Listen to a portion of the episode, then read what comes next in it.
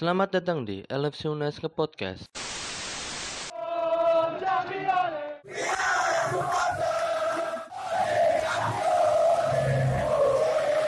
We're gonna win the sixth Champions League.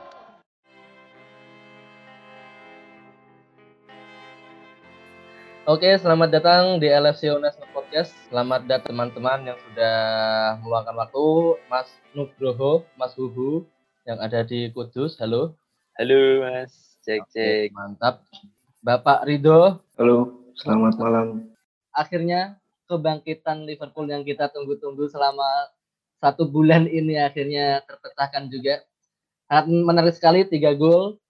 Em, semuanya kontribusi Mane ya dari sekian lama ter, a- em, Mane, Bobby dan Trent Alexander-Arnold yang akhir-akhir ini dikritik membuktikan Hmm. semua walaupun akhirnya masih tetap kebobolan satu tapi jujur kalau aku malah seneng kalau semalam itu kebobolan. Jadi menunjukkan kalau di di belakang itu memang bermasalah. Kalau semalam itu clean sheet itu FSG leha-leha ya tuh nggak usah beli ya nggak usah pikirin gitu kan. Gimana? Ada ada pendapat? Aku aku dulu ya, sebelum detail banget. Kalau aku lihat semalam itu sih lebih ke ini ya. eh, posisinya eh, musuh-musuh eh, Liverpool di liga itu kan memang ketakutan ketika mereka bermain terbuka. Itu ditunjukkan setelah Liverpool main lawan Palace. Ya 7 gol. Ngeri banget ya kan. Nah, setelah itu memang kita kan hasilnya menurun ya karena musuhnya itu udah ya wis pakem wae lawan Liverpool ya kita bertahan kayak gitu kan semalam lawan Spurs itu berbeda kenapa mungkin ya niatnya Mourinho strateginya pertama mereka mau nyuri gol eh offside ya kan nah karena mereka tetap mencoba mencuri gol tetap mencoba mencari keunggulan mereka mencoba terbuka tapi di sini salahnya kenapa Ya, sebenarnya nggak salah sih ya nggak ada yang salah cuman Ada lawan celah. Liverpool salah salah salah Mourinho lawan Liverpool. Kenapa? Liverpool kan harusnya lawannya lawan Liverpool itu jangan sampai terbuka. Lah mereka udah terbuka, backnya tiga lagi, ya kan? Mereka tiga empat tiga kan posisinya. Mungkin ada dua dua apa deep deep winger ya, apa istilahnya? Wingback. Wingback ini. turun naik turun naik. Tapi kayaknya kalau nggak di Itali itu nggak nggak bisa sefluid kayak di Itali ya. Di Itali kan enak gitu Kalau kan. di- kalau di Inggris kayaknya nggak bisa kalau di- Kalau di Italia semuanya back. betul betul. Boleh lah. Nah jadi posisinya ya udah karena eh, itu satu faktor. Eh, mereka mencoba mencari gol kemudian terbuka. Ah, lah dari situ kan berarti posisi playmaker kita atau fullback kita dari Mhm. kanan dari kiri itu lebih bagus lebih bisa mencari ruang lebih bisa mencari peluang ya kan. Terbukti terbukti. Eh belum lagi tadi yang sempat dibahas Henderson mantep banget nih. Henderson berhasil apa mengisi perannya Van Dijk sebagai deep lying playmaker ngasih umpan ke Mane itu wah itu bagus banget. Ah, Mane melawan offside trapnya Spurs kaget ya backnya itu udah mereka eh, kasih ke Firmino, weh Bobby ngegolin akhirnya Me- apa menampik semua keraguan bahkan statementnya Jamie Carragher yang khawatir sama Liverpool, khawatir sama Firmino ya kan karena nomor 9 di Liverpool tuh nggak pernah kayak gini gitu kan. Harusnya tetap ngegolin. Banyak bahkan legenda-legenda ngomong kayak gitu termasuk Jamie Carragher yang sangat keras. Eh akhirnya membuktikan lah dia bisa mencetak gol.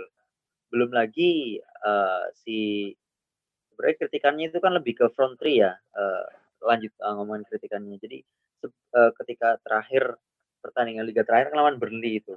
Ya. Nah, nah si Carragher tuh bahas ini front three ini emang lagi masuk angin apa gimana? Dia bilang enggak. Front three kita itu memang masanya udah mau habis. Kenapa?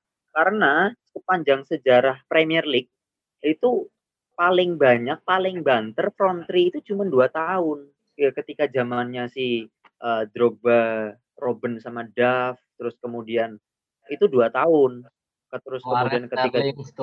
Ah, enggak, itu duo mas, itu, itu duo. Trionya enggak terlalu. Lah terus si Tevez, Ronaldo sama siapa? Tevez, Ronaldo sama siapa? Wayne Rooney. tuh. Ronia Hmm. kalau nggak salah ya. Itu juga dua tahun. Kita itu tiga tahun loh mas. Tiga tahun kita. Nah ini tahun yang keempat gitu loh. Harusnya itu udah masanya untuk berganti ya. Katanya begitu. Katanya si Carragher. Ya gimana? Sekarang ada Jota. Jota harusnya bisa mengisi, bisa mengganti Firmino.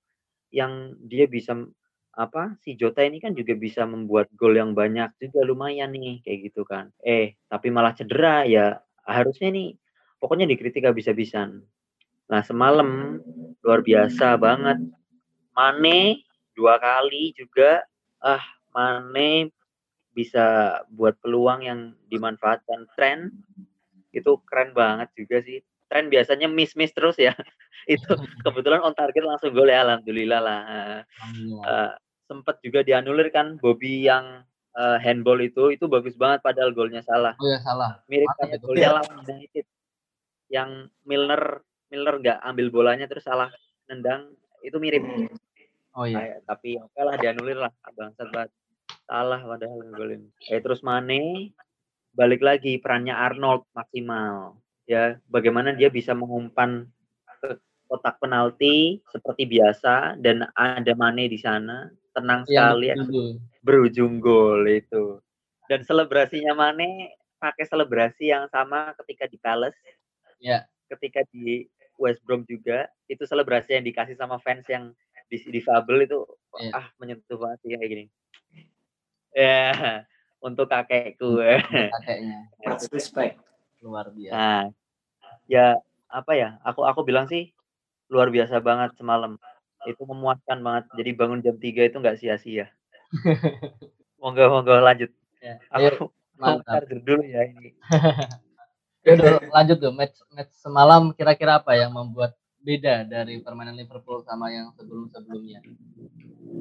Match semalam yang membuat beda jelas eh, dari Spurs juga itu main terbuka. Menurutku memang blunder dari Mourinho salah satunya memasang tiga back melawan tim yang yang tidak mengenal kata bertahan. Liverpool kan tim yang ibarat kata tidak mengenal kata bertahan Iya. dan mungkin tidak bisa bertahan mungkin nah, it- itu mungkin yang tepat. situasi yang situasi yang tanpa Virgil van Dijk. Tapi memang benar yang dikatakan Hugo. Formasi 3 back terutama 3-4-3 di Liga Inggris nggak cocok sama sekali. Itu terjadi ketika Antonio, Conte di Chelsea. Antonio Conte di, Conte di Chelsea sempat beberapa kali eksperimen dengan 3 back, kadang berhasil, kadang gagal. Sama beberapa pelatih Itali Mau- Maurizio Sarri kalau nggak salah pernah kalau nggak salah aku lupa tiga back juga gagal kebanyakan gagal karena yang memang eh, Liga Inggris semua lini dicoba untuk eh, menjadi sasaran serangan entah tengah ataupun di sisi Ya. kanan dan kiri Mm. itu salah satunya yang kedua aku bahas dari sisi sportsnya dulu ya kesalahan dari sportsnya Ah. yang kedua eh, tiga-tiganya gol itu berasal dari kesalahan dan kelengahan lini pertahanan Spurs. Gol pertama dari eh, Bobby Firmino secara eh, penglihatan, secara teoritis mungkin lah bahkan itu umpan dari Mane seharusnya bisa dipotong dengan mudah oleh kiper sekelas Hugo Ya. Lloris. Yoris ataupun Dier ya, backnya Dier ya. Mm-mm. Ah, Pokoknya umpan seperti itu sebenarnya tidak begitu kencang juga tidak terlalu sulit dijangkau sebenarnya. Tapi karena memang antisipasinya mungkin aku nggak tahu ya mungkin miskomunikasi juga antara Yoris dan Dahlia kalau nggak salah benar Dahlia. Jadi mungkin pemikirannya Yoris mau di clearance sama si Dayar tapi ternyata Dayarnya cuma diem.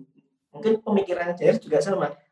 Bola seperti itu bolanya si Yoris tapi ya malah nggak nggak kena dua-duanya akhirnya Bobby memanfa- memanfaatkan dengan sangat sangat baik dapat satu gol eh, itu membangkitkan semangat dari pemain-pemain Liverpool juga gol kedua eh Trent Alexander Arnold ya rebound. Trent Alexander- Arnold itu juga sama kesalahan dari Hugo Lloris ke tendangannya Mane itu ya yang tendangan bagus oke tendangan bagus tapi antisipasinya Lloris itu kurang bola muntahnya dimanfaatkan dengan tren yang benar-benar tanpa penjagaan sama sekali di sisi kiri pertahanan dari Spurs. Lanjut gol ketiga, gol dari Mane itu juga salah antisipasi Joe Rodon uh, back backnya. Ah, Spurs itu back baru dari Swansea kalau nggak salah masih 23 tahun.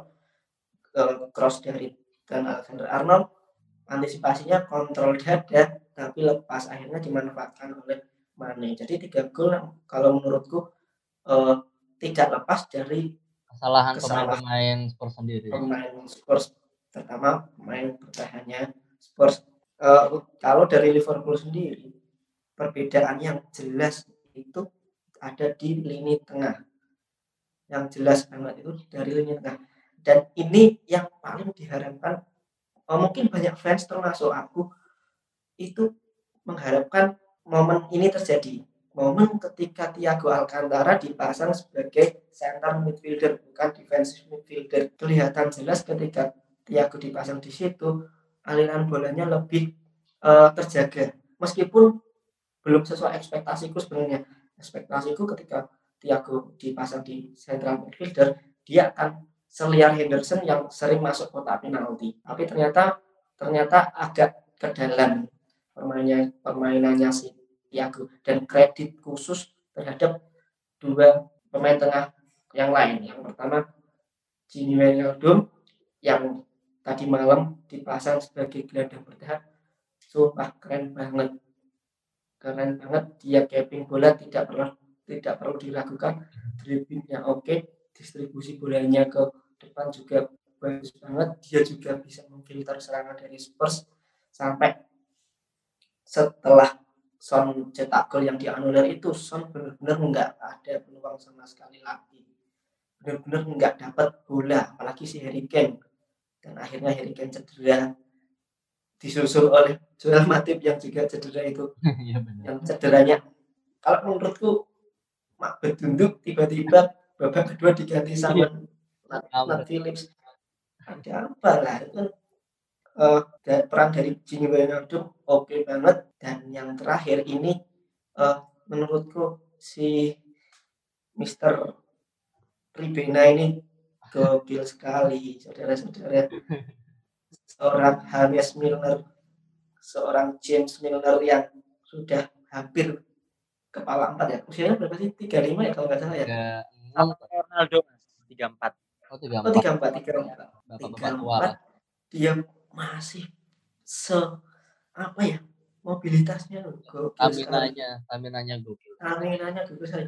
Dan dia tidak pernah aku sukanya dari si Milner ini dia tidak pernah ragu untuk duel Hmm. tidak pernah ragu untuk apa ya menghadapi lawannya meskipun apa usia setelah itu harusnya kan lebih ke apa ya menghindari kontak fisik yang terlalu keras karena karena fisiknya sudah mungkin rentan lebih mudah Tapi kalau kalau duel meyakinkan malah.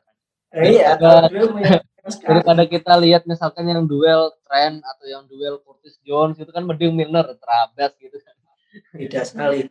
Dan juga nah eh, tadinya feelingku ketika Thiago ditaruh di central midfielder dia akan sering masuk kotak penalti ternyata sebaliknya yang sering masuk kotak penalti si Milner. Terus terang Milner itu eh, apa ya namanya short passnya itu oke. Short passnya itu sebenarnya oke tapi kadang ya karena sudah tua speednya tidak mengimbangi geraknya dia meskipun mobilitasnya tinggi tapi kecepatannya memang tidak tidak tidak segesit ketika dia masih di Man City dulu atau di Aston Villa atau bahkan di Leeds United dulu. Jadi Milner memang benar-benar jadi pembeda tadi malam, benar-benar jadi pembeda dan di sini momentum momentumnya si Arnold, si Trent Alexander Arnold dengan asisnya dengan umpan silangnya yang sudah lama kita rindukan, sudah lama Iya. tidak Akhirnya muncul. terjadi. akhirnya.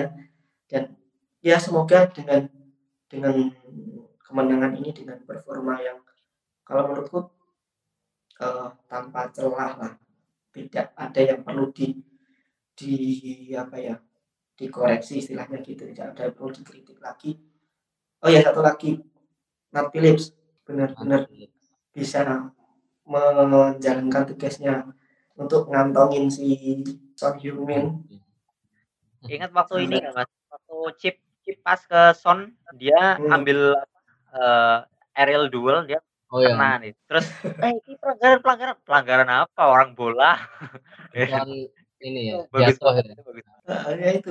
Jadi emang emang kalau menurutku Nat Phillips layak lah untuk dipasang oleh klub ketimbang Diberi, Williams. kesempatan lagi lah ya. Mm-mm. Maksudnya daripada Sirius Williams, aku tidak me- mengecilkan peran Williams, tapi dari segi pengalaman Nat Phillips lebih lebih matang, lebih siap daripada Rhys Williams yang kalau menurutku untuk seorang back terlalu pendiam. Mhm. Kalau si Nat Phillips itu kan karena dia merasa ya jam terbang tinggi, akhirnya dia lebih bisa lebih vokal. Seperti itulah intinya itu.